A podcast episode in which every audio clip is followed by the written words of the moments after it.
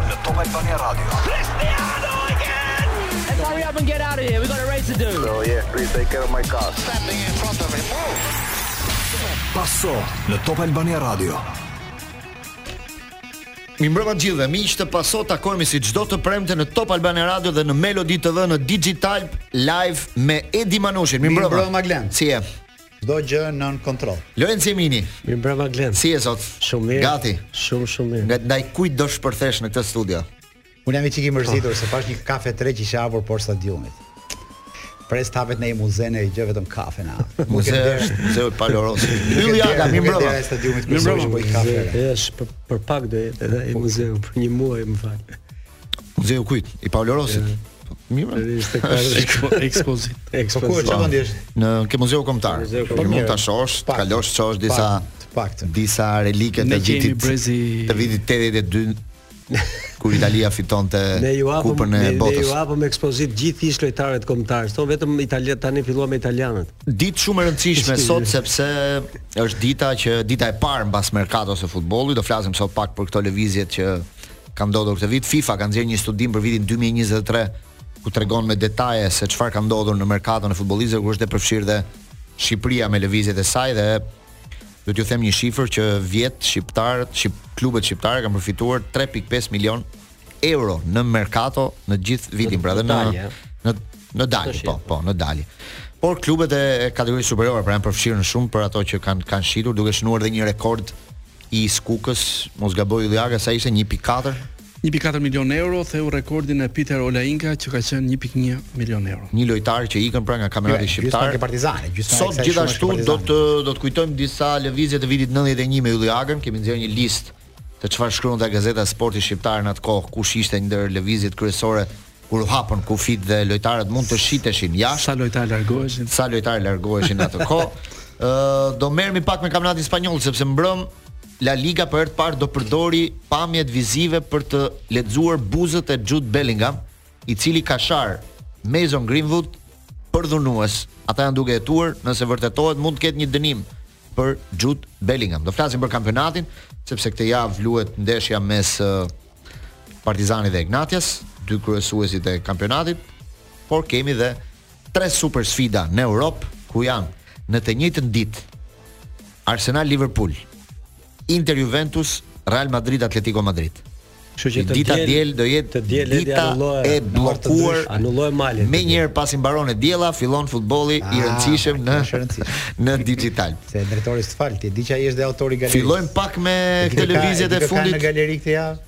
Se ngaqë ai vdes për gjuhën shqipe dhe meqë kemi edhe Agën këtu komentator, kemi një gjuhëtar të madh në galeri, që do e shihni të dielën. Është Zoti Xhevat Lloshi. Xhevat Lloshi. Dhe kishte ca ankesa për komentatorët, të pozitive dhe me dashuri. Nuk është ai diskutimi i përhershëm që përdorim terma italianë, por r-rë-në e zgjasin ato fjalën tha. Marrëveshje, gjëra si këto dhe na dha ca këshilla shumë të bukura. Na tregoi edhe një proverb, meqë jemi datën 2 shkurt mund ta them. Shkurti shkurton urët, Marsi merr lëkurët. Deri tani unë urët e dija se ç'a ishte urët, urët ishin drurët. Nga që shkurton po urë. Shkurton po. drurët për zjarrin, janë drurët e zjarrit ato dhe i thonë urë. Unë s'e dija. Po. Pavarësisht. Sot e mora pra, shkurti shkurton urët, Marsi merr lëkurët, pse? Sepse vin ato plakat që thon edhe op, ça janë të vjetër, ndrojnë jetë. I merr me vete. Eci drejtor, meqë ti e ke qef të pyesësh. Fillojm pak me me merkaton sepse ka patur një lëvizje shumë të rëndësishme dje. Lëvizja e Armando Brojës nga Chelsea tek Fulham ishte një lëvizje brenda Londrës, brenda kampionatit anglez, por një lëvizje që na prek, sepse është lojtari më i rëndësishëm që kemi në ekipin kombëtar dhe në prag të Europianit, do doja të dija si e shikoni ju ose si e quani ju këtë lëvizje.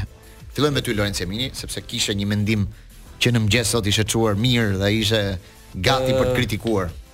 Shiko Gled, jo, s'është s'është kritik, po e para një herë unë s'jam. Do të do korrigjoj lojtari më i rëndësishëm që presim. Që presim. Atëherë shiko, dhe më i rëndësishmi aktualisht te kombëtarja jonë nuk është Asllani. Dhe unë kështu do e filloj uh, diskutimin për Brojën, duke parë pritshmëritë që janë ndaj tij, ose formën që kishte para dëmtimit. Ose formën e para dëmtimit. Uh, po, a do, a do vi prapë forma para dëmtimit shiko, apo jo? E di, edhe kjo është pyetja edhe problemi. Domethënë uh, Broja është është investim i Chelsea dhe ata po e trajtojnë akoma dhe besimin që i kanë dhënë gjithë këto vite se ai ka gati 5 vjet ai është rritur te Chelsea. Ë Unë këtu nuk jam domethënë i kënaqur me këtë pjesë. Unë do të doja ta shikoja Brojën te Chelsea. E, pavarësisht se ai ka bërë kemi një muaj që shohim ke po, pra, Chelsea dhe nuk e shohim. Pikërisht pra. E po, pra, pa një muaj ja dhan mundsinë edhe në po, pra, Ai ka ai nga dëmtimi ka ardhur me problem. vetëm një gol. Ai nuk e ka më atë që kishte para dëmtimit. Tani unë e lidh me dëmtimin se shoh pra, ke Pedri, e shoh ke gjithë lojtarët që vijnë nga dëmtimi, asnjë nga këta s'është rekuperuar siç duhet. Ka diçka që shkon. Problemi është që Brojën e dim që është i rëndësishëm për kombëtaren. Por rastis është në këtë gjendje.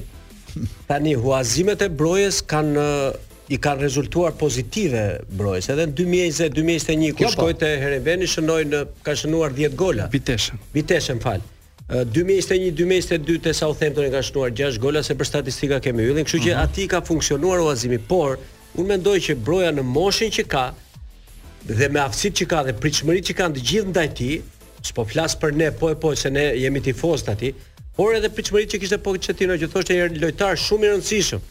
Ora unë kam parë ke ky Chelsea që tha ne. Ai duhet të shpërthejë te Chelsea. Ke ky Chelsea që kemi parë ne. Uh, unë kam parë një Brojë tjetër, kam parë një Brojë me detyra të frikshme mbrojtëse shumë efikas. Por Broja është një lloj lojtari që i pëlqen atë skuadrën, ku vjen topi gjatë dhe shpërthen, po sulmoi në mënyrë korale një skuadër. Broja humbet i çik, do hapësirat e veta, nuk qarku, nuk rrotullohet dot mirë. Ose s'i përshtatet ky Chelsea pastaj, ky ekip edhe Broja nuk duket lojtar pykmum, duket nga krahu, duhet vijë nga krahu siç ka pasar që ka bërë ato golat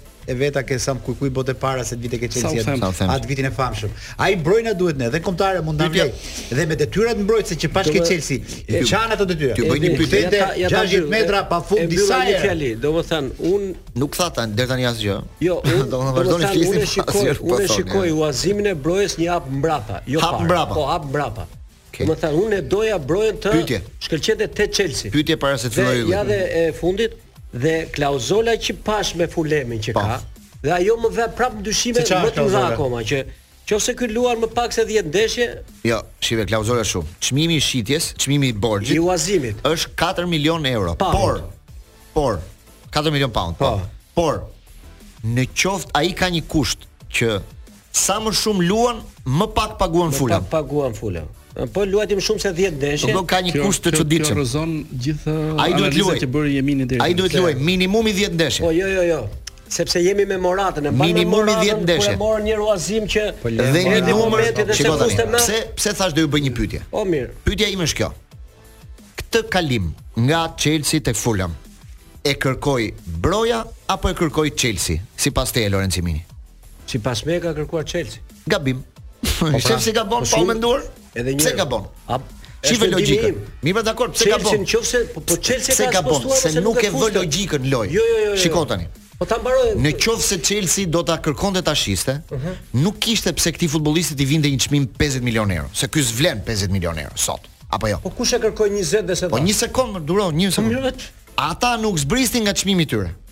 50 milionë euro patjetër. A ishte kështu Ylli Aga? Po. Ashtu. 40 milionë pra, pound e lexova diku. Kjo tregon, kjo tregon që nuk e ka kërku Chelsea shitjen, sepse qoftë se do ta kërkonte Chelsea do ta jepte edhe për më pak. Do bëhen tratativa shitjeje. Një, e dyta. Klauzola që ka vënë në këtë në këtë lëvizje. Pra fakti që thotë, në qoftë se ti më fut mua të luaj më shumë, paguan më pak, është në favorin e Brojës që të luaj më po, shumë. Patjetër po. Edhe pra, Chelsea. Pika po, e po, dytë të Chelsea më. Jo, Chelsea do marrë më pak. Chelsea do të aktivizohet që jo, të di. Jo, jo, Chelsea do marrë më pak. Chelsea po jep një mundësi Brojës. Po në afatgjatë, okay, Chelsea. Që të luaj ndoshta 15 ditë. Lorenc Lemini. Nëse nuk të rëndësishme për lojtarin janë këto 4 muaj që vijnë. Po patjetër. Pra, Broja po bën një sakrificë në këtë rast.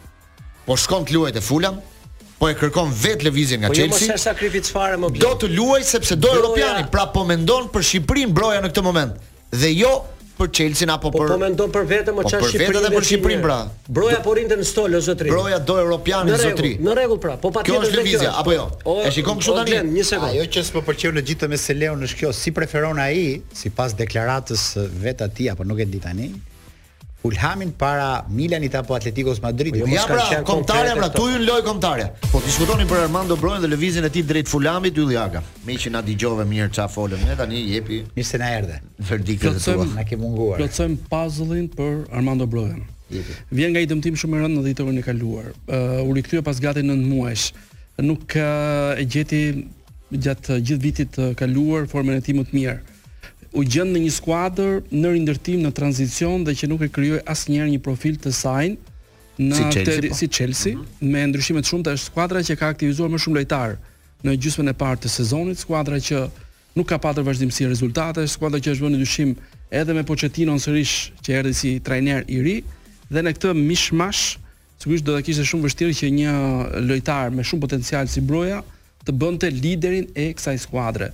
Për më tepër dhe me rikthimet e Nkunku, që konsiderohet investimi më i rëndësishëm në majën e sulmit për skuadrën e Chelsea-t, Broja ka kërkuar më tepër hapësirë, ka kërkuar të ketë një lloj vazhdimësie për të rigjetur formën e tij më të mirë dhe besoj që ka qenë një zgjidhje shumë e zgjuar që është larguar në këtë periudhë drejt një skuadre që kishte nevojë. Ka patur një uh, duel shumë fort deri në momentin e fundit, siç edhe mund të keni lexuar me Wolverhampton.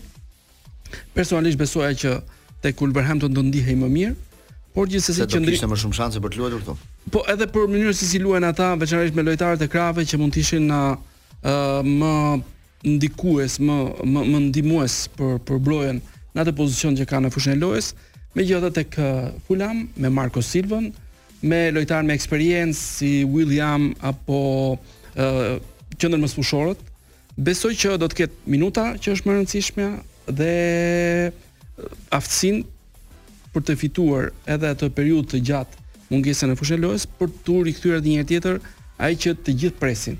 Dhe fakti për mua që Chelsea ka rezistuar dhe nuk e ka shitur këtë lojtar, sepse ti një lojtar që e merr nga akademia dhe e rrit po them me 0 lek dhe të kesh një ofertë po them minimumi 25 milion pound dhe mos e shesësh, tregon që ka besim te ky lojtar. Po flasim për një futbollist që është vetëm 22 vjeçar, Interesi i Chelsea në këtë rast është që ai të luajë, interesi i Chelsea dhe i Brojës. Absolutisht. Pra po. ai të luajë, thotë Chelsea, po dhe Broja vetë thotë të luajë sepse fund fundi ka një europian përpara. Në në, këtë sezon për mua fatet e Chelsea janë të shkruara.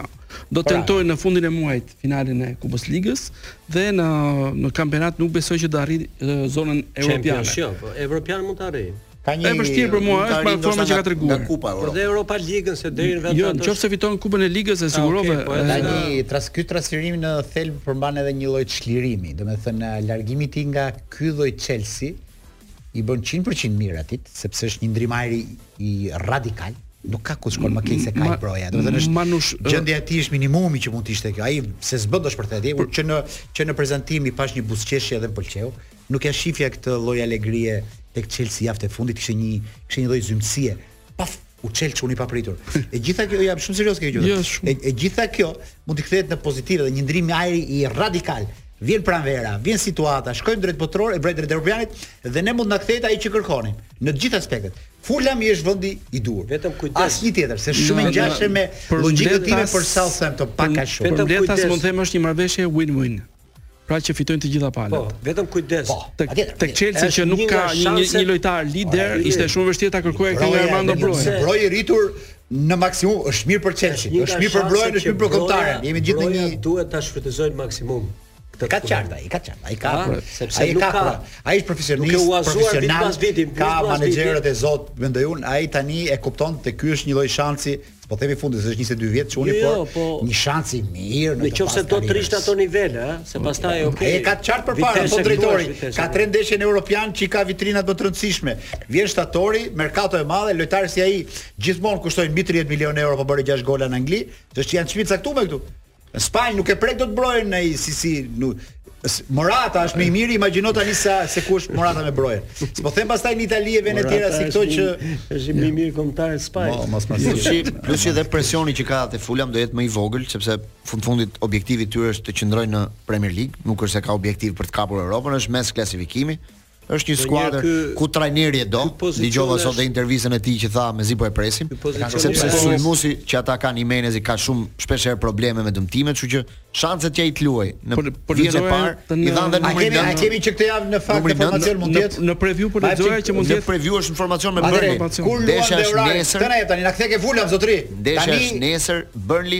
Fulham, ora 4. Ti drejtor, një kritikë miqësore.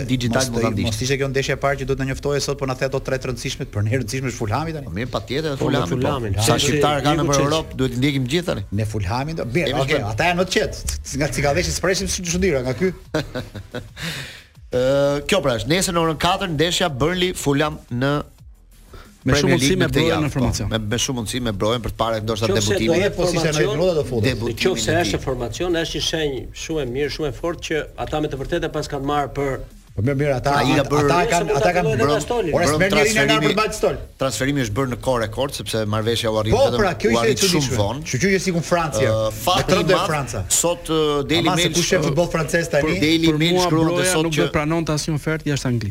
Fati i madh ishte që ishte brenda Londrës dhe lëvizja ishte shumë e shkurtër edhe për të bërë vizita mjekësore në kohë shumë të të limituar siç ishte jo, në rastin e djeshëm dhe unë s'e di sa serioze është, por në rast se e ka kërkuar Milani, po një vitrinë më interesante, vend më ideal se Milani nuk do të kishte. Po jo në këtë moment mos edhe Milani.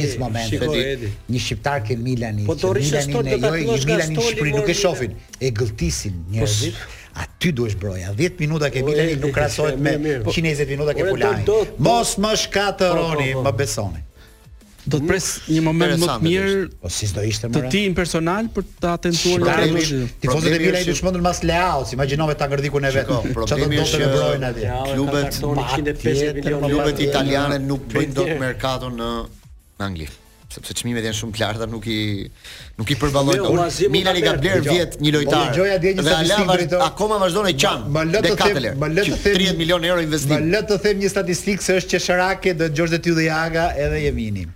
Në janar, këtë janar në Angli janë shpenzuar Tetëqind milionë euro, edhe ishte shenjë e mirë, se në krahasim me tetëqind e shtatëdhjetë milionëshin e vitit të kaluar, ka një rënie. Po jo, vetëm këtë do të thotë. Në Spanjë ishin harxhuar shtatëdhjetë milionë dhe në krahasim me tridhjetë e pesë milionëshin e vjetshëm, dyfishim. Dhe tani shifrat janë qesharake dhe komentatorët, gazetarët thoshin, ka një rritje të blerjeve në Spanjë, tha, dhe ka një rënie në Angli.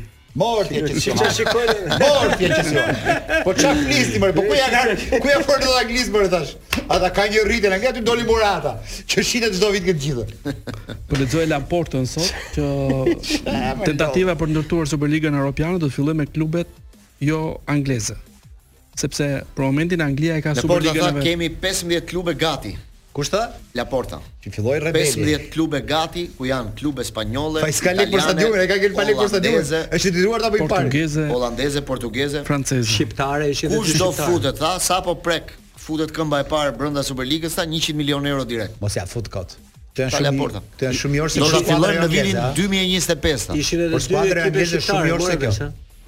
Dy ekipe shqiptare nuk i di, po. po.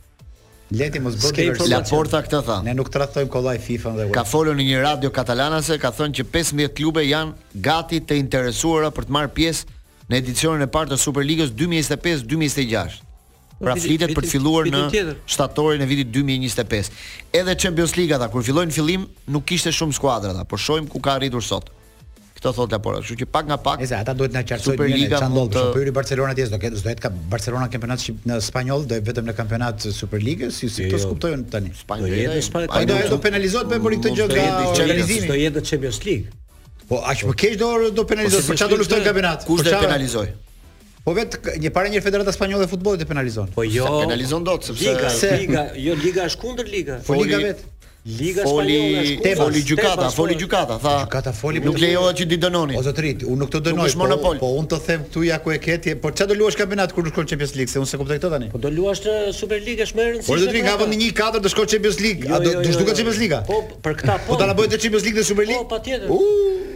Do na bëhen si ato federatat e boksit kur dalin. Po ne që tani nuk shohim dot këtë vit kampion me lëvizjen e Kumbullës, lëvizjen e Kumbullës. Shkoi nga Roma tek Sassuolo, edhe Kumbulla në këtë vazhdë transferimesh për të luajtur më shumë, preferon të shkojë nga Roma tek Sassuolo sepse trajneri i ri i Romës De Rossi nuk e konsideronte shumë në këtë moment, por është një investim i Romës dhe ata e dhanë formë huazimi për të luajtur më shumë dhe i shkon në skuadër të Nedim Bajramit, ai nuk është akoma gati për të luajtur sepse dhe ai vjen nga një dëmtim. Kumbulla. Po, dëmtim i gjatë. Besoj nga marsi. Kështu që të shohim se si do jetë ai ka më pak shanse që që pa, ka ai ai si është edhe ka Europian. Jo, jo, nuk vjen te pyetja për gjendjen e tij dhe a është ai një kontingjent i mirë se Kumbulla në formën më të mirë do na duhet për kombëtare, besoj. Në gjendjen më të mirë, nuk ke vë në asnjë moment në dyshim që Kumbulla në Gjendjen e tij më të mirë fizike mund të jetë jashtë ekipit tonë kombëtar. Po, po, Flasim po. për lojtar që është vlerësuar jashtëzakonisht shumë në ndeshjet dhe të gjitha prezantimet që ka patur me ekipin tonë kombëtar, por dëmtimi e ka penalizuar në maksimum gjatë kësaj periudhe. Nuk është asnjëherë thjesht të qëndrosh për kaq shumë muaj jashtë fushave të lojës dhe besoj që kjo do të jetë ndihmesë sepse tek Roma edhe në rast se e rifitonte formën e tij do të kishte vështirë për të gjetur hapësira në formacion. Ndërkohë që tek eh, Sassuolo që edhe e ka dashur, besoj do të kombinohen edhe rikthimi i tij në gjendje më të mirë fizike, edhe hapësirat për të luajtur në formacion. Pak e çuditshme ishte kjo që ndodhi në Romë, sepse këtë vit Roma kishte shumë mungesa për arsye dëmtimesh. Po qëlloi fati që një nga dëmtimet ishte edhe ai. Ai mund të luante më shumë këtë vit te Roma, se Roma pothuajse në çdo ndeshje aktivizonte një mesfushor në rolin e mbrojtësit. Po. Ai do kushte në gjendje më po, sigurisht. Edhe më sot Mourinho. Fakti që ata e lëshuan, s'e ka futur. Ata Roma vazhdon të jetë në krizë me lojtarë të dëmtuar. Nuk është se i ka të gjithë lojtarët në jo, dispozicion. Fakti që lëshojnë so, tregon që pak edhe nuk po besojnë shumë te ai, mund t'i japin një shans në formë huazimi. Edhe kur ishte i padëmtuar bro. Po pra, po nuk e pati atë kurrë. Prap prap nuk e kishte mbështetjen, që nuk ka qenë formacion stabil. Nuk është Kumbulla i Veronës. Po, ai po. lojtar. Jo, ai e nisi mirë ke Roma, por ne pastaj filloi një spostim i tij. Edhe kur ishte i dëmtuar. Një spostim i po. tij dhe edhe gabimet që bënte Roma, Ti dhe pa fati çik. Roma kishte një treshe ja, që nuk e lëvizte kurrë më. Ja ja adresonin aty, ja dy gabime një herë që kam parë unë, një ëngrë dy ai dhe pastaj me Mourinho ajo është piacë e vështirë Roma. Roma ka tifozë shumë të egër, tifozët e bëjnë e bëjnë eh, formacion atje, bombosian ata. Shumë të ashpër. Ndërkohë që te Sassuolo më bie nëse harrova ta, jo harrova po miku. Sassuolo është skuadër moderne, po qenë. Po luan Bajrami, madje javën që kaloi s'ishte as në stol, ishte s'ishte fare.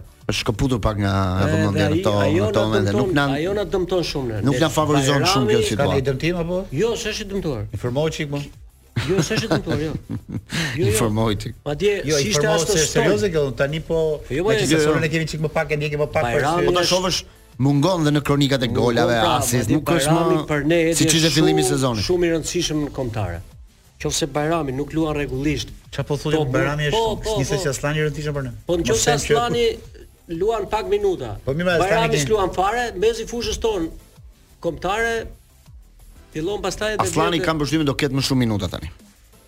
Por ja, shto këtë javë ndeshën me Juventusin, Interi do futet në zonën e Champions, do luajë me Atletikon, ndeshje shumë të lodhshme, ndeshje fizike, kështu që do ketë do ketë minuta për t'u aktivizuar. Është kthyer nga Amerika, të lutem, është kthyer nga Amerika. Pak më vonë se do flasim për ndeshjen Partizani Egnatia me njeriun tonë të dërguar në Amerikë në Miami, Tan Stock. Dhe me Zuckeron rikthehemi në paso në pjesën tonë ka jetë përtej futbollit me lidhjen tonë të përjavshme me zotin Avni Ponari, presidentin e Federatës së Basketbollit. Mirëmbrëma zoti Ponari. Mirëmbrëma Manush, si jemi? Sa e madhe është kjo mirëmbrëma Manush. Ore tani duhet të duhet të dish një gjë njëherë mirë. Këtu jemi dy Manush, që njëri në fakt është Glendin Albani, i dyti jam unë. Ky zëri i ëmbël i përhershëm që të prezanton është Glendin Albani, autori i programit dhe autori i Procesit sportiv. Ky dyti që pyes tani jam unë. Dhe ne që jemi bashkë në linjë. Po më pëlqen prapë kur thotë mirëmbrëma më Jo, do ta nis, meqë jemi në Tropojë kjo ajo pjesa turistike. E di si me turizëm sot të lutem, a le çik basketbollin plan të dytë vetëm sot.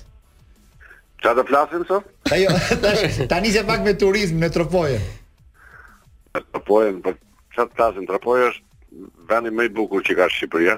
Erdhën dritat mirë, erdhën dritat se këtë merak kisha. Dritat, dritat nuk vijnë sepse Tropoja prodhon drita për gjithë Shqipërinë dhe gjithmonë ai Po pse më po Enver Hoxha që i solli dritat që në 61-shin, mo në 71-shin kur i solli. Ka as kaq nuk bëjnë dot. Në 71-shin çoi Enver Hoxha dritat. Ne ne prodhojmë drita me gjithë hidrocentralet e që janë në në brigjet e Tropojës, prodhojnë drita dhe ka drita gjithë Shqipëria.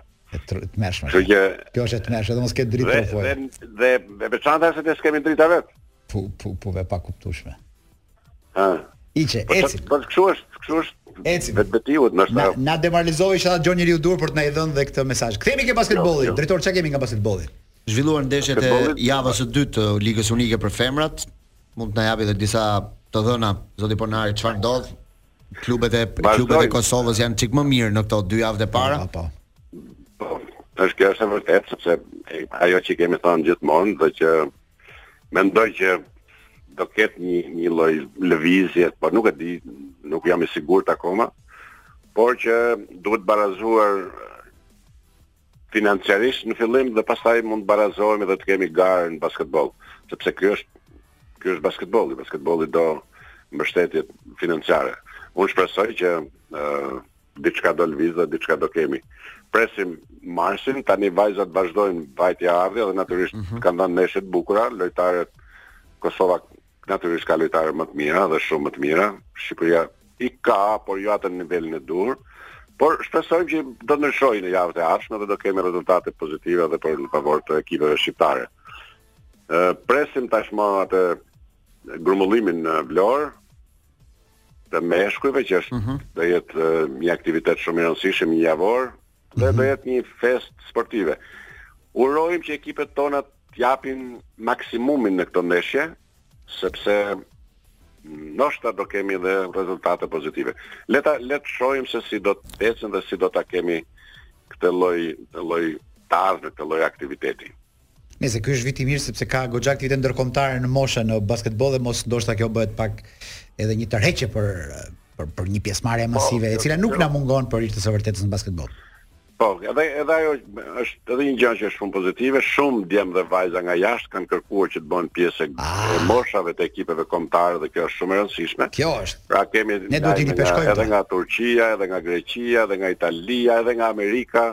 edhe nga Gjermania pra djem që luajnë në ekipe shumë të rëndësishme jashtë dhe të cilët do të bëhen pjesë e ekipeve kombëtare. Kjo është një lëvizje shumë pozitive dhe një lajm shumë pozitiv ah, për gjithë. Për këtë për këtë federata realisht eh, meriton përgëzime sepse t'i piketosh ata ti është një gjë e madhe.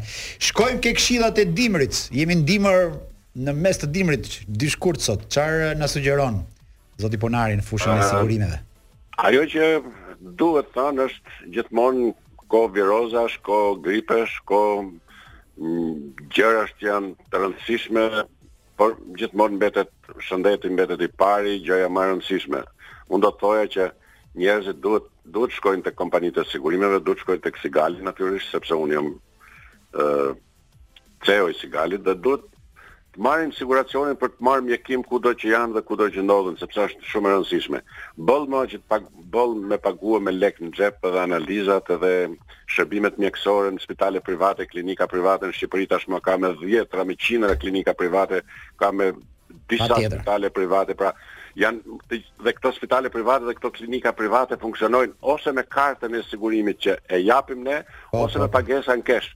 atëherë nuk e kuptoj që akoma njerëzit janë janë të pandërgjegjësuar që të pajisen me këto karta dhe të shkojnë të marrin mjekimin e duhur sepse të të të jesh i mbrojtur financiarisht është shumë e rëndësishme. Po, po. Dhe këto kosto janë mjaft të lira. Sigurimi i shëndetit është një një gjë shumë e rëndësishme. Nuk mund të ketë Shqipëri një pjesë shumë të vogël të siguruar, por duhet të jenë gjithë njerëzit sepse kjo është domosdoshmëri. Pra, kostot janë të, të ulta akoma, janë të lira. Kam um, këtu kam mund... edhe unë një eksperiencë personale sepse ne kemi bërë siguracionin çift tek zoti Ponari, na ka kushtuar në vit 1500 euro, pra rreth 750 euro, unë 750 euro zonja në vit. Ajo bëri disa analiza në dhe ca gjëra në një spital dhe 200 euro ja dha siguracioni, ja ja, ja ktheu asaj. Vetëm me një defekt zoti Ponari, ja ktheu ke llogaria e saj personale, jo ke llogaria ime ku i çova unë lekët aty. Erdhi 200 euro që po e mori ajo. Po si të qoftë? Kjo është më mirë kështu. Sepse ne ne duam të ta ruajmë, të ruajmë edhe atë ë sekretin edhe pagesave edhe ah, sekretin ah, okay. e vizitave. Pra gjithçka është personale dhe është Super. e drejtpërdrejtë me individin. Super. Nuk ka pse nuk ka pse të dish ti se sa ka harxhuar ajo. Jo? dhe se sa kemi paguar ne për bashkëshorten tënde. Atë pra, që për pronëson keq ka ato zonjë. Diskrete për marrëdhënien me kash me vërtet shumë. Nesh dhe klientëve. Në raste të shëndetit shumë mirë. Okej, okay, zoti Ponari, ne të falenderojmë për këtë lidhje. Shpresojmë që këto aktivitete të rëndësishme ndërkombëtare të basketbollit të na sjellin atë gjën e re që duam. Dhe kjo nisma dhe iniciativa e trive treve shqiptare që duan të bëhen pjesë e ekipit kombëtar është e jashtëzakonshme sot. Po. Edhe ne shpresojmë mhm. sot sot kanë qenë dy sekretari i përgjithshëm i federatës dhe drejtori i sporteve, kanë qenë në një podcast me kryeministrin, kështu që nuk e di se çfarë kanë biseduar, po di që kanë biseduar gjatë edhe për basketbollin dhe ajo ishte ajo ideja që unë thashë, ndoshta do kemi ndryshime në të ardhmen. Po e merr ka po pra pa merr kalanë nga brenda, apo i përdor podcast e dat çaj e çaj e vi. Kapitalist, biznesmen zoti Ponari. Përqafojmë, të urojmë javë të mbarë. Falenderojmë zotin Ponari për lidhjen tonë të përjavshme. Ndërkohë ka një komunikatë të Romës në lidhje me Superligën, del kundër presidentit Laporta dhe thotë nuk duhet të përmendi emrin e klubit tonë thotë në projekte të tilla. Ne jemi shprehur që nuk jemi pro, nuk e mbështesim pra Superligën në asnjë lloj mënyre dhe në asnjë lloj asnjë lloj projekti që paska frika, na largon nga paska frika cak dhe ne. Përveç Romës që është një komunikatë pak minuta përpara ka folur edhe Feynordi, gjithashtu dhe Feynordi thotë që nuk jemi pjesë e Superligës, thotë nuk jemi bashkuar as me projektin. Sepse Feynordi që po. mund të bashkoheshin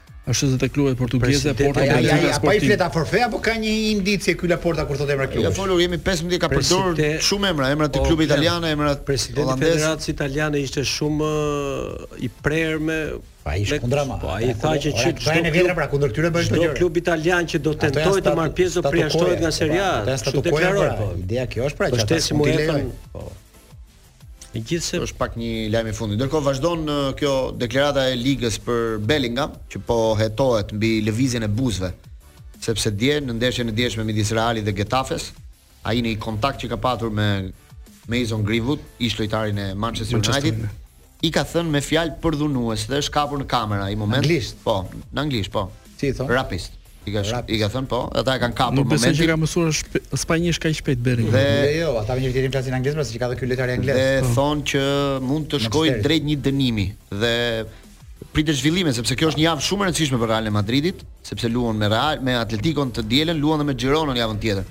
Që një pezullim dyjavor mund të mungojë në ndeshje shumë të rëndësishme. Shumë sipërfaqësor gazetaria sportive në Spanjë me çfarë merren, imagjino. Ne në Shqipëri jemi më, më, më sipërfaqësor. Ne merremi me gjëra të mëdha. Ata thonë inshallah ia gjejmë, do të merren me këtë.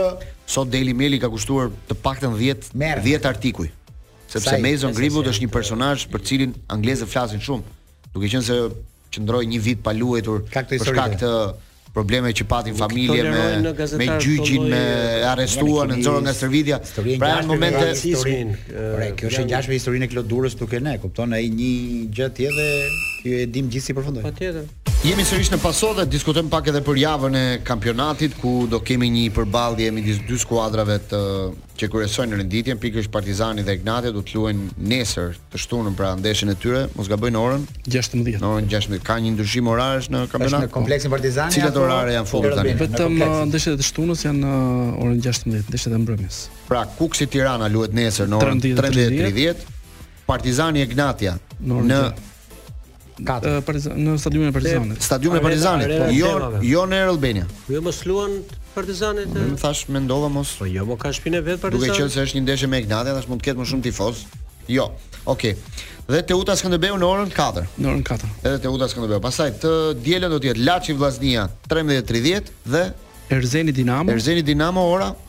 13:30. 13:30. Ka dhe një ndeshje që për mua është ndeshja e 6 superiore Elbasani Flamurtari, të dielën në po, orën 17. Flamurtari me trajner të ri këtë javë. Po është edhe Bylis, Laçi Eqerem me Memushi dhe dhe debuton ah, liçaj. Po, mund liçaj. Dërko, është rikthyer i dërguari ynë në Miami Tan Stoka.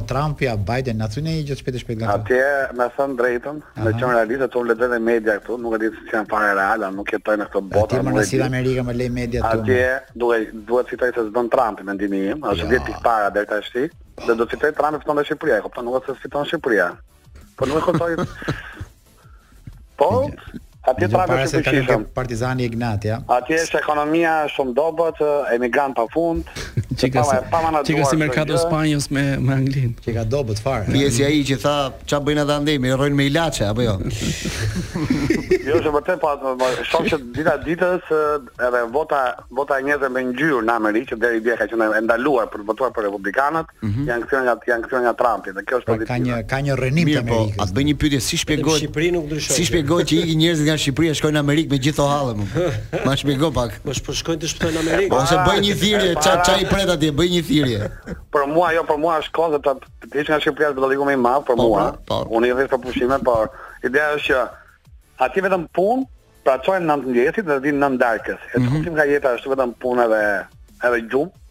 Po se Shqipëria të ofron ala ikën tetë në punë, katër e gjysmë ikën në shtëpi, çlodhet. Po pse ke dhënë çmimin, çka më në fakt ti? Pi kafen. Po farkën.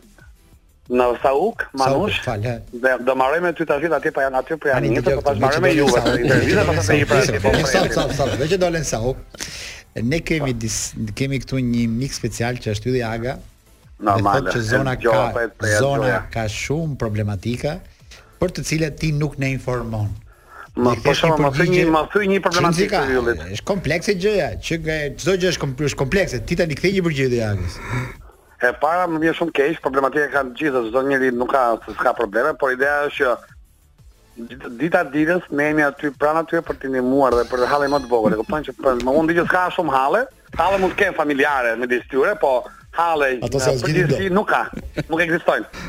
Aga.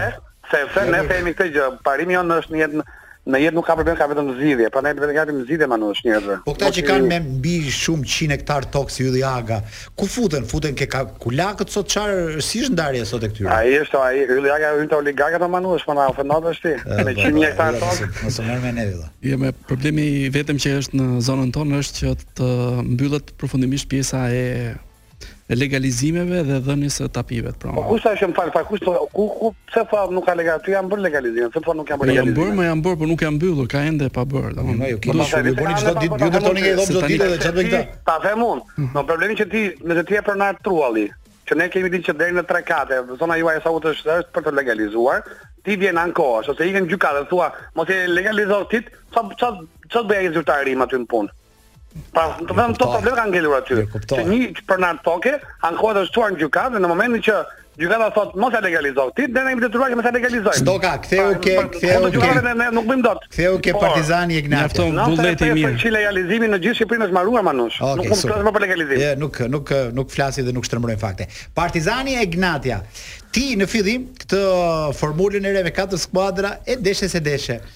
Nuk e donte, si, ka qenë nga kritizerët. Nuk e do, po të shijon tani që është Partizani 10 pikë mbrapa të pëlqen tani ndoshta? Pse? Jo s'më pëlqen fare. Pse? Se ka ndonjë që e do. Partizani është 10 pikë, 10 pikë mbrapa. Për shkak të formulës, nuk ja vlen të harxhosh, për çfarë të lodhesh. Ah. Sa ju ka menduar pra, pa nashë kanë më bëj po bëj ti keq. Pra kjo nuk quhet, pra është turp, është falso. Po ti thua se gjitha skuadrat janë me një me me një ritëm. Të sa fjalë të thotë, thotë, dhe marr pikë tjetër, kupton? Do thënë, edhe presidenti thotë, shiko, le të vrasim veten ato tre javët e para thotë gjithë, çka pim atë, do marrësh pikë, do marrësh pikë. Ke keqardhje për, ke keqardhje për Egnatian Stoka? Po si si? A ke keqardhje për Egnatian? që ti jo, jesh me Jo, po më bëhet qejfi biles, se Egnatia po ecën mirë, po mban ritmin, por mua po bën shumë jo, shumë të mirë. Jo, e kisha në në këndvështrimin që një skuadër që është 10 pikë para dhe në fund ti thua Jo, nuk e ke fituar kampionatin, se do bësh dhe një finale me Partizanin. Po ti thua po e pranuan ekipet. Ti bëhet mirë. Ore po ky lojtari mbrojtësi kroat dëgjova sot që flitet mirë për të Kolic, Nikolic si ishte? Mikolic. Po. Mikolic, si ishte ky? Po se kam parë, s'e kemi parë me një ndeshje. Po. Nuk do luaj pas do luaj nesër.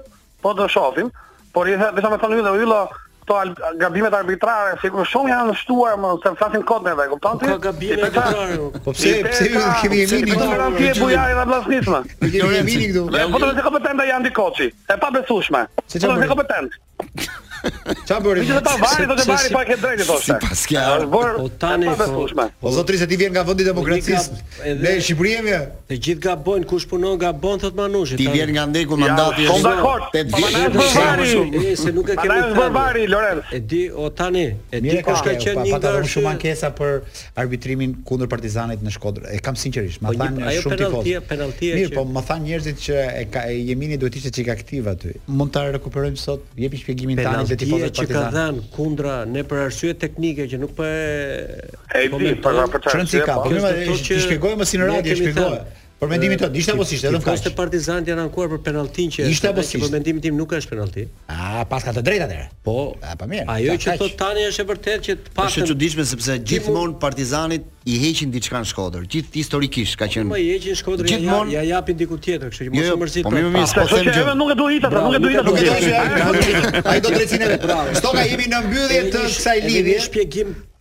Pse e kemi reklamë? Se do shkojmë në publicitet. Shkurt, po se nuk e kemi thënë. Hmm. Dhe një për Final Four. A di pse kanë pranuar klubet me hmm. Final Four? Mhm. Mm kanë tani. Qenka dhe përveç anës ekonomike. Mhm. Mm sepse ekipi kampion merrte 100 milionë lekë të vjetër deri dje. Tani do marr ekipi vendi i parë do marr plus 100 milionë. Vendi i dytë 70. Si Superliga do marrin 100 milionë po pra, direkt. Vendi i tretë 50 dhe vendi i katërt 20 milionë.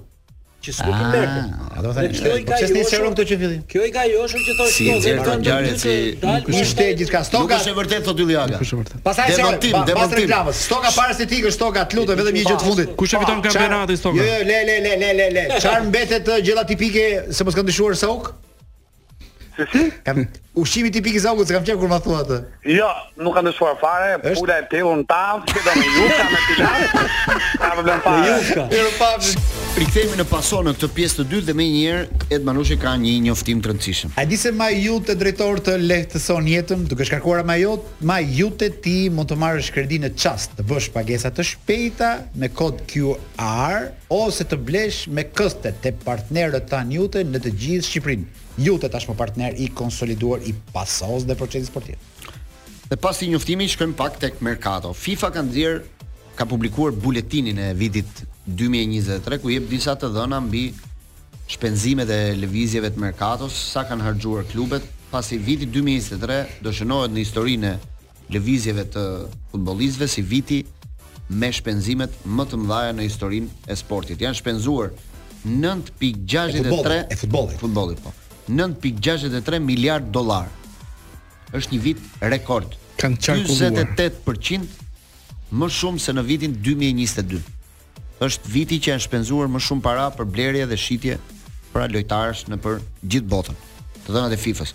Janë bërë njëzet e një mijë e tetëqind e një transferime profesioniste dhe pesëdhjetë e një mijë transferime në nivel amatorësh, futbolli amator. Pra rreth shtatëdhjetë e dy, shtatëdhjetë e tre mijë lëvizje gjithë vitin, në të gjitha sektorët, në të gjithë Pra amatorësh nuk e kuptoj, çfarë është kjo amatorësh këtu?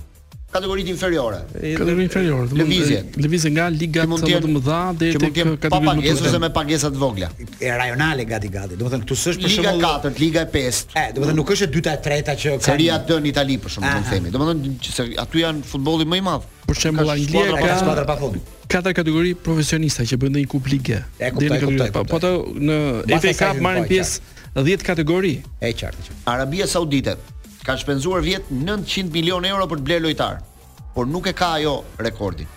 Rekordin e kanë Premier Liga, 3 miliardë dollarë për të blerë futbollista, qëndrojnë në vendin e parë. Sepse Arabia vjet nuk bleu shumë lojtarë, po ama pagesat që i dha lojtarëve për rroga Po, ishin kapi- shumë të larta, por kjo nuk llogaritet. Po, thua se i ka vetëm marrë- lëvizjet, transferimet. Kontrata me Thua se i zero. ka marrë free ata. Po, po, po. Ndër 10 skuadra që kanë shpenzuar më shumë para vitin e kaluar, 5 janë skuadra angleze. dhe në vendin e parë qëndron Çelsi për shpenzimet që bëri vjet. Mosha në të cilën është investuar vjet është mosha që është investuar më shumë, tetëmbëdhjetë deri njëzet e tre vjeç. Për këtë moshë janë derdhur më shumë para vitin e kaluar. Lojtarët që kanë lëvizur më shumë nëpër botë janë brazilianët, për të cilët janë investuar 900 milionë dollarë. Futbollistët brazilianë, lëvizjet e tyre. francezët kanë gjeneruar 800 milionë dollarë. Pastaj vijnë holandezët, argjentinasit, anglezët me radhë vendet e Europës. Gjermania është vendi që ka fituar më shumë nga shitjet. Bundesliga ka fituar 1.2 miliardë dollarë. Ja, është një rekord. Ja biznesi. Për shitjet nga Bundesliga. Kush është i zgjuar, është i zgjuar. Shqipëria. Sa është Shqipëria në këtë? Po, e nisën po.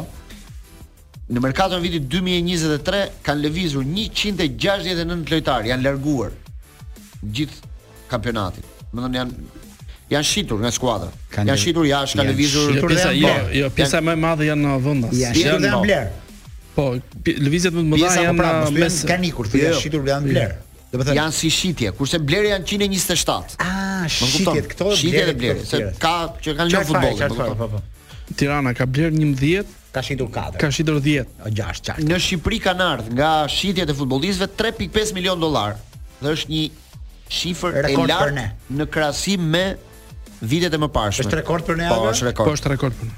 Është rekord. Viti i kaluar është rekord. Prandaj e pyeta Yllin për Skukën sepse çmimi i tij e rrit ndjeshëm këtë po, pra. shifër.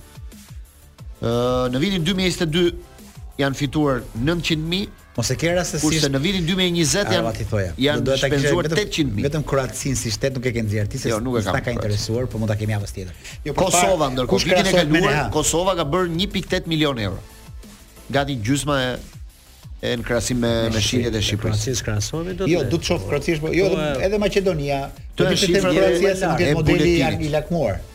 Ka disa vende që nuk kanë të dhëna. Ka diçka në këtë. Në 2021 Shqipëria s'kishte të dhëna.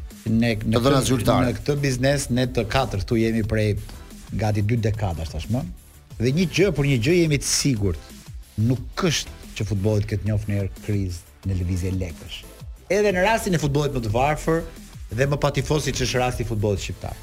Dhe kur them lëvizje lekësh, e shoqërohet me lëvizje programesh televizive, pro, me lëvizje gjithë biznesi që lëviz rreth futbollit është vetëm një industri që rritet, rritet dhe vetëm rritet. Dhe është rekord ky që mos u habisni që vitin tjetër të thyhet, nëse Arabia futet çik më fort edhe kështu gjë.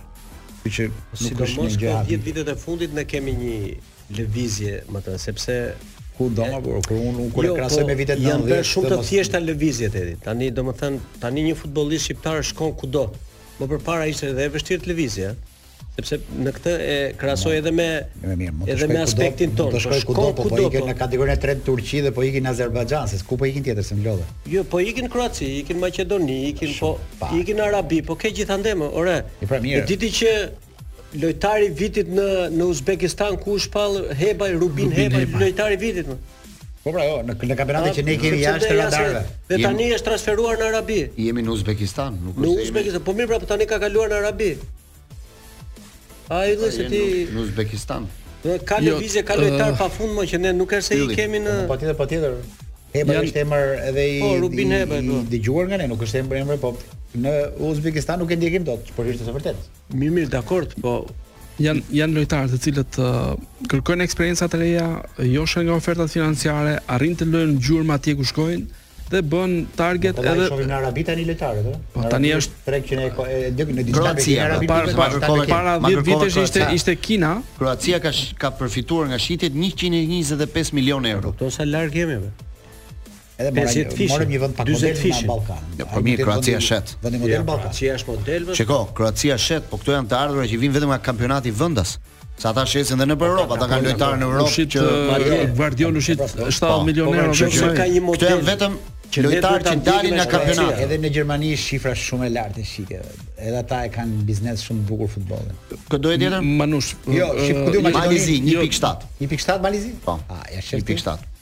Ja të shoh dhe Serbinë, ndërkohë sa flet. Jo, logika është që kampionatet dhe ligat e ndryshme nëpër Europë funksionojnë si niveli i, i klasave të shkollave. Pra, Bundesliga shet sepse ti ke Premier Ligën që tërheq, bën po. blerje pa fund, ke Arabin që tërheq. Dhe këta... Mirë, po, klubet, klubet gjermane kanë marrë oksigjen të mirë, janë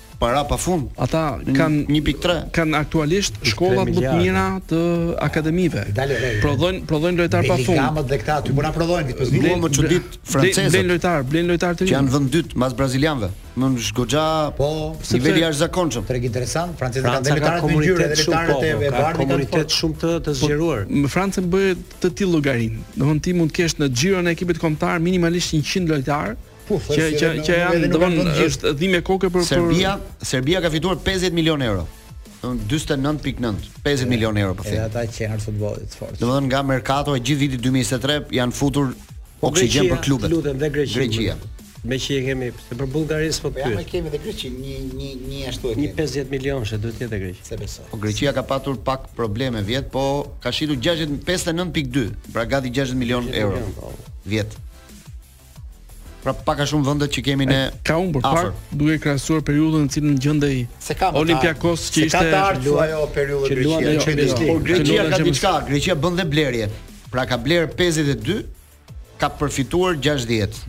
Po Greqinë di si shoh se sa i lidhur është me nivelin edhe me jetën dhe me ekonominë e vendit. Ku e ku me Greqinë e shkëlqimit vite 90 2000 për futboll. Shof tani për shembull ta trajner në Spanjë ku diun, të harum, të marum i kërkojnë Panathinaikos.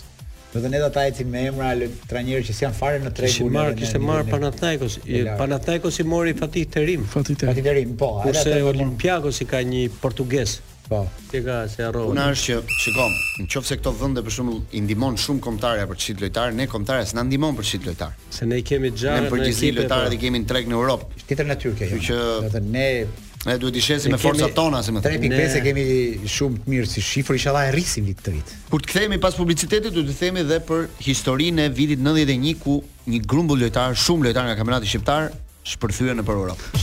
Themi pak tek merkato jonë në vitin 91, sepse Shqipëria në fakt Shqipëria ka bërë merkato dhe përpara në viteve të komunizmit, përpara vitit 45, 44. Ah, se ka qenë Riza Lushta, ka qenë Erdhe te historia ime. Po, kthehemi te historia e luftës, e titujve të luftës. Së të tërë me Libushati, kur kërkon një futbolist për të blerë Turqit,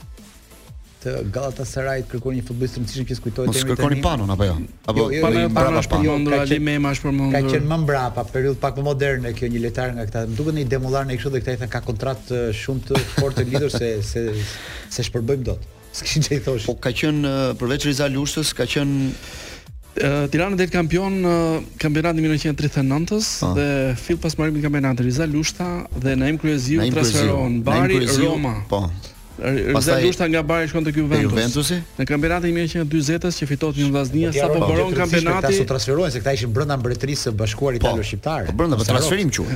Po transferim brenda brenda të njëjtës mbretëri. Edhe Etiopia ishte bashkë me Loro Loro Boriç. Viktor Emanueli ishte mbreti i gjithëve. Loro Boriçi shkoi te Lazio, e mori Lazio. Po pra po. Po prit Loro Boriçi ka luajtur me sulmuesit nga sulmuesit më të mirë të Lazios, të Italisë atë kohë që dolën kampion bote. Prit se nuk janë pak. Po ja pra, po, lëvizje madhore për për futbollin e asaj kohe. Kupton, luaj pas stadiumit. Na shkoge një në të njëjtin se njofim në një. Në 91 pastaj Ylli Aga ka sjell një gazetë të Gazeta Sporti Shqiptar e kohës dhe është bërë nami sepse të paktën me çfarë po lexojmë ne 30 lojtar ka shkuar në Greqi. Sepse çfarë ndodhi në atë kohë? Ka qenë një menaxher që i qarkullonte këtu në 91-shin me mbiemër Tasos. Nuk e di a është shqiptar apo grek. I cili Tasos është grek. Po grek. I cili ka marr futbollist, për shembull, ja të fillojmë. Lekbello, Aris. Nga Tirana te Aris për pa. shifrën 51000 dollar. Pa. Nuk janë pak 51000 dollar. 51000 po. nuk janë pak. Bleri apo po, ka paguar Aris në klubin e Ah, okay, okay. Në Federata nuk ishte Aris.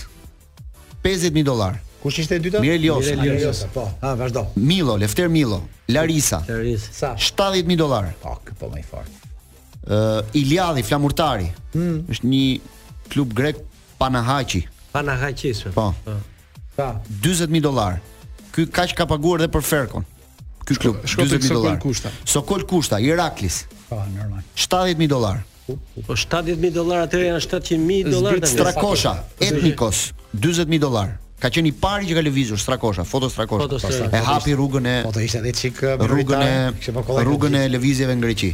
Ledio Pano me Triamfos skuadër është 22000 dollarë. Salvador Kaçaj nga Skënderbeu te Kalithea 29000 dollarë. Agustin Kola tek Egalios 5700 dollar. Kaq është shifra që është shkruar në gazetë, domethënë. Po, po normal. Ë Xhumba, po, Agustin Kola është datëlindja 59-ta, pra po, flasim për lojtar që ishte Xhumba nga Luftëtari te Korinthios 44000 dollar. Xhumba se ka qenë Luajti në Superliga. Shkojmë te Sulejman Demollari te Po. Po pastaj ka futbollistë të ndryshëm, Bledar Kola ka shkuar për 11000 dollar tek një skuadër Panariakos. ë ka pasë futbollistë Arapi i Flamurtarit tek Iraklis për 22 mijë dollar. Zmijani ka shkuar tek Ajaccio në 91-shin për 13 mijë dollar. Mm. Pastaj ka pa, po, lëvizur Abazi, Abazi ç'iku Portugali. Abazi, po, me Hajdukun. Ka shkuar te Hajduku, po, në Kroaci. Në Kroaci 20 mijë dollar. Po. Në atë kohë Pastaj është Ali Mehmeti te Adanaspor në Turqi, gjashtëdhjetë e pesë mijë dollarë, kjo është e çuditshme. Wow. Plus edhe gjashtë... Florian Riza, 65 mijë dollarë tek Adanaspor në Turqi. Shi shi shi. Shikoji pak, Redi. Për të ardhur tek Rumania. Kjo është lëvizja tani më e madhe. Edhe Demollari do shkonte në Greqi. Po del një ish student i i kohës që stud, kishte studiuar në shkollë në Rumani. Ai kishte bërë një foto me me në vitet 90 me trajnerin e asaj kohe të të Dinamos së Bukureshtit që ishte Mircea Lucescu. Apo. Dhe kur kishte bërë foton ai kishte thënë, "Nga je nga Shqipëria?" O, po është një Demollari dhe shumë i mirë kishte thënë. I kishte thënë ai ta sjell, po sille kishte thënë.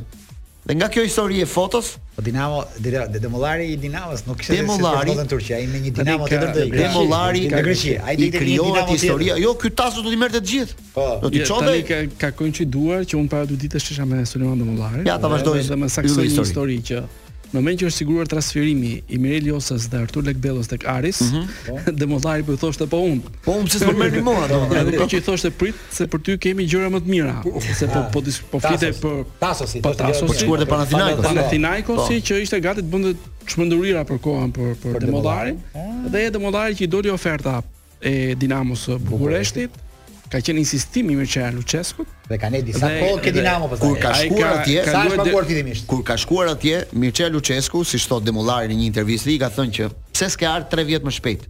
Dhe Demollari ka shkuar 28 vjeç. Po. Në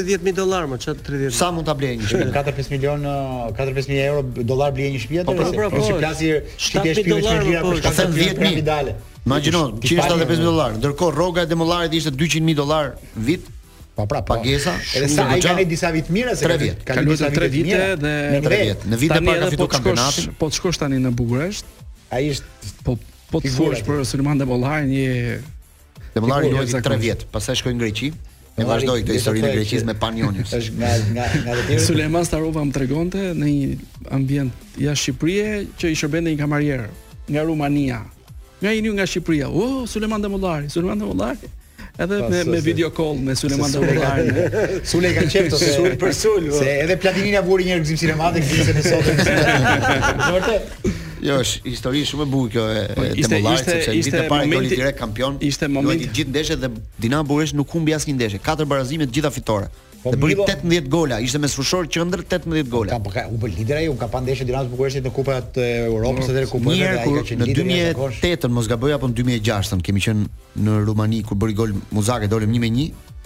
Po është 2007, 2008 ai sezon. Mbas asaj 6 me 1-shit të famshëm. Domethënë asaj po, humbjes së rëndë. Kemi edhe një ndeshje tjetër. Ka pra. qenë një ndeshje 1 me 1, edhe rumunët na e çuan kombëtaren të luante në një zonë jo të largët, po cep fare, domethënë të Rumanisë, quhej Piatra Neamț, ishte një vend i humbur. Atje një stadium shumë modest. Ja, ishte edhe periudha që po rindërtohej stadiumi i madh. Kur shkuam në në aeroport atje, aeroport i vogël fare, shumë i vogël. Ishin policë atje edhe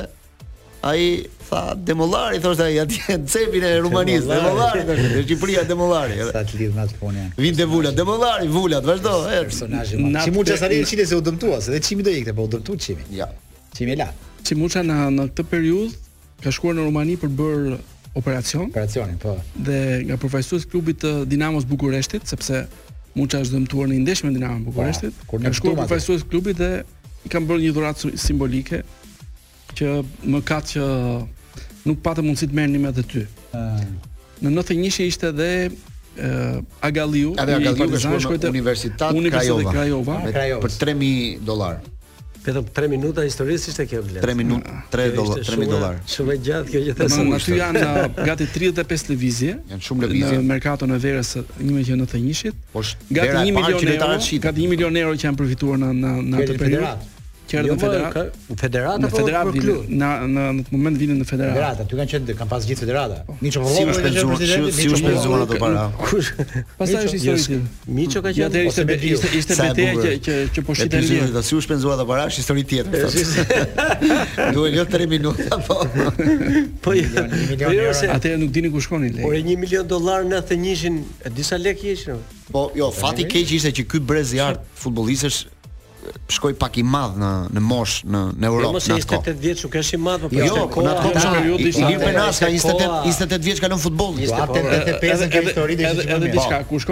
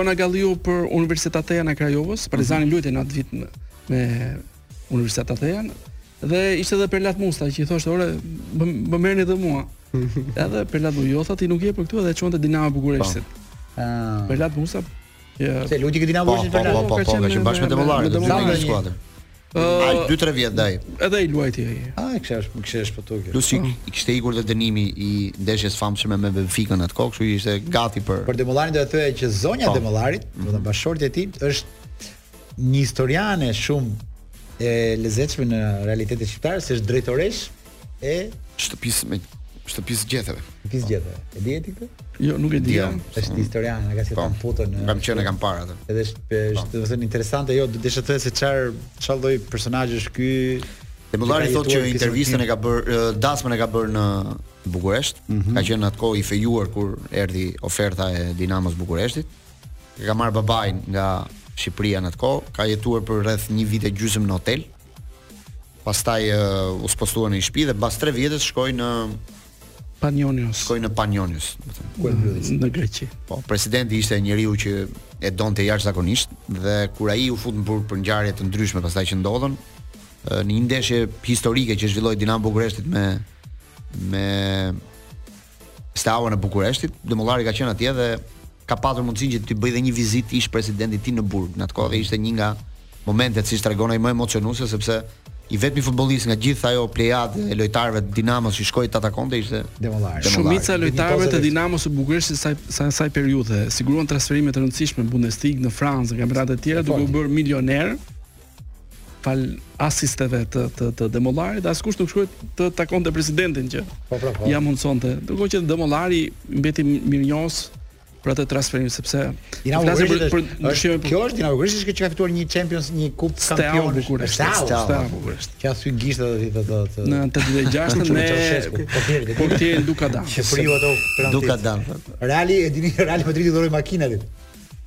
Reali Madridit i dhuroi një makinë atij portierit vetëm se i hoqi kupën e kampionëve Barcelonës dhe makinën e mori çuni i Çausheskut. Skandal. Për dashuri që më këndo Luan Zhegu, Vajza dhe Deti i solli Ylli Aga bashkë me ta Ylli apo jo?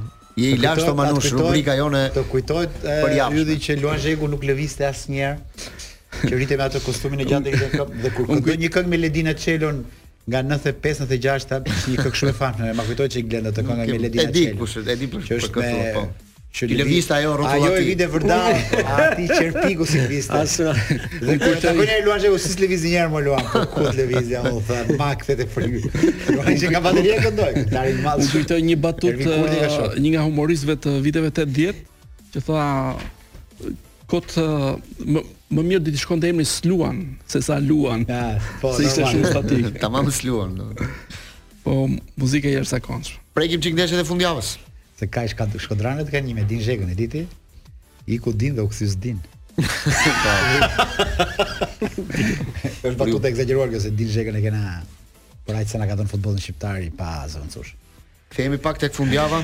Edhe para dy vitesh më thotë njëri prap ishte idhull në Bukuresht Demollari. Është gjithmonë nuk i harrojnë personazhet. Unë kujtoj një aventurë në 2002-shin që Tirana mm. luajti me Nacional Bukuresht dhe shkojmë tek televizioni që do të prodhonte sinjalin dhe ata Shqipëria Demollari. Akoma tre çereku i bisedës ishte vetëm për Demollarin se sa për sa gjë mirë është. Kushtet ku ka ambasador më ndonjë se futbollistët nuk ka. Unë mendoj që nga nga ky grupi, si më fal drejtor i lojtarëve në Greqi, Millo mund të ketë qenë pak më i spikaturi për për lojën, për por edhe për historikun dhe dhe tragjedinë që i ndodhi. Nuk e di nëse ne, keni jo, impakte më mbrapa me këto histori të tyre. Kam uh, un kujtoj të Millos që ishte lider i padiskutueshëm i asaj skuadre, siguroi një transferim të bujshëm uh, Panathinaikos nëse nuk gaboj mm -hmm. dhe pati një reaksion në qytet jashtëzakonshëm, po. protesta që e ndali. Unë kam përjetuar me Alban Bushin një herë që kam qenë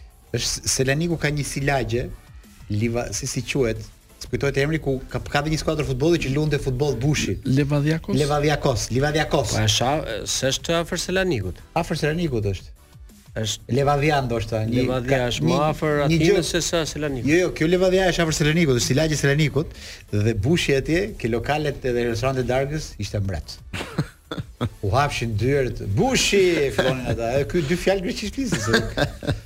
Ai shumë sa ka lëvizur Bushi. Bushi ka qenë që që një në fundin e karrierës që këtu ke kjo skuadra si thosh afër asaj. Po un kam qen në Greqi në periudhën kur kaloi. Millo me të vërtetë ishte te Larisa ishte idhull i po, pa diskutuar. Ti parkoje makinat ke diskoteka. Nuk kam qen në Athinë, nuk kam qen. Ne ke marr atje se se di njerëzit. Shumë lek po. Po gati, po vjen galeria drejtori pikë pikë ton. Eci.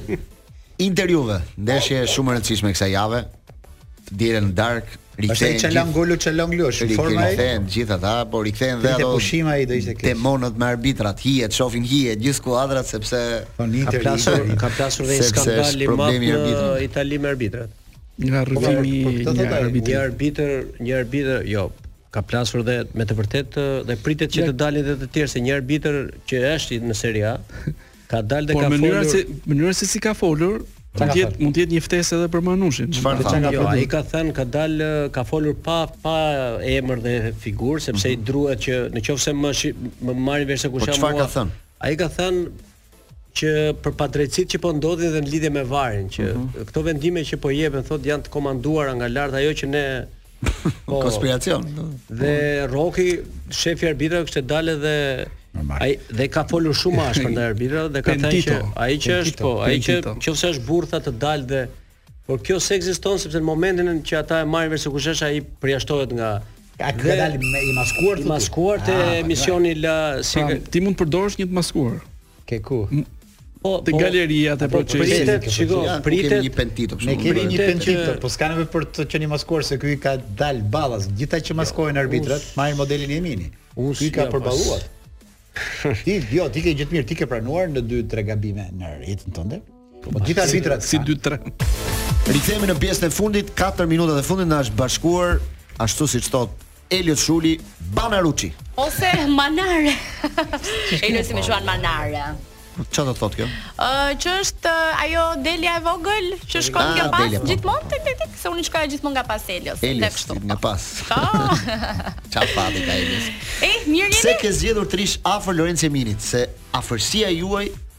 më kujtoi afërsinë e Ilnisës me Meritonin në Big Brother. po kush po përdor kë në rastin tonë apo u nise si referencë moshe? Të përdor, të përdorimet nuk marr vesh nga përdorimet. Ashtu ë, po. po e thua një herë ti pastaj. Është një dyshe më, dyshja më profesionale që kam parë dhe jemi mezi pret 5 minutat e fundit. Vetëm për profesionalizmin. Ne, jo, ai merr pak nga Flattery Nor që sjell Albana këtu këne dhe nga ajo që do pasojë. Që po. është? Që është Big, Big Brother, Brother Radio, Big Brother Radio. Po, që për këtë mbrëmje kam të ftuar Artiom Brakaj, që është uh, një djalë nga influencers në Top Channel dhe Albi Lushi, poet. Dhe do të flasim për Bigun çfarë ka ndodhur. Sfida ka ndodhur, me pra? ngjitëset plastike ka qenë një sfidë e jo. cila ka vërtetuar urdhëro. Bëj një pyetje. Na mbaroj. Mbaroj. Okej, okay, nuk ka. Ëm ka vërtetuar shumë lidhur me raportet e çifteve. Madje mm. çifti fitues ishte Rike Meriton, të cilët me sa duket gjetën një qetësi të jashtëzakonshme duke qëndruar ngjitur me njëri tjetrin dhe e çuan deri në fund. Unë e ndjek nga pak, se nuk është se ndjek gjithmonë, po i ndjek nga pak. Ai ndjek kur s'ka ndeshje, po i ndjek. Kur s'ka ndeshje ndjek. Primet i ndjek. E vlerësoj në mënyrë të jashtëzakonshme Riolën një herë për këto dyshet që bëri, se ajo i bëri dyshet. E dashuroi jo? Riolën. Një. Riola po vërtet. Po pyetja që kam unë është çka ka ndodhur me Gracianon që është kaq po bën sherr me gjithë dynjan. Thanë që zihet edhe me me zogj që kalojnë lart. Jo Graciano. Çka ka ndodhur në ditën e 24 orët e fundit me Gracianon? Graciano e di mirë Kamerën, e njeh mirë televizionin, e di mirë çfarë kërkon publiku, di t'i ushqejë, deri më tani mbajti një qëndrim që me ç'duket nuk e përcolli po pra, nëpër prajme. Sa i do moralistin, por nuk i shkon, aty duhet të hysh ke loja pastaj, mos bësh çunin e mirë Domethënë, sepse Graciano deri deri javën e kaluar, filloi tani. Po, deri javën e kaluar ai luajti një rol ndërmjetësuesi. Po pra, që pra, lalo kështu, ky është Se s'i shkon. Që nuk i rri për tipin që ai ka, as edhe që ka dëshmuar. Kështu që është goxha mirë tani, mendoj që realisht po futet në lojë. Se i kemi parë, uh, unë nuk jam as pak fanse uh, e individëve dhe njerëzve mbështetës të njeriu të mirë, plot mirësi, vlera dhe nuk mendoj që është Big Brother-i vendi. Ja ishte Ervini edhe doli. Mirë, nuk e përqafoj. Kemi lloj simpatia për Bardhin. Po Bardhi, Bardhi dhe Bardhyli. Bardhi po e tregon veten. Ylli Aga, po të zgjidhje ti nga një nga ndeshjet e kësaj jave për të parë ata brenda shtëpisë Big Brother, qoftë se Digitalb për shembull do i ofronte një mundësi. Do shifte Inter Juve, Real Atletico apo Arsenal Liverpool.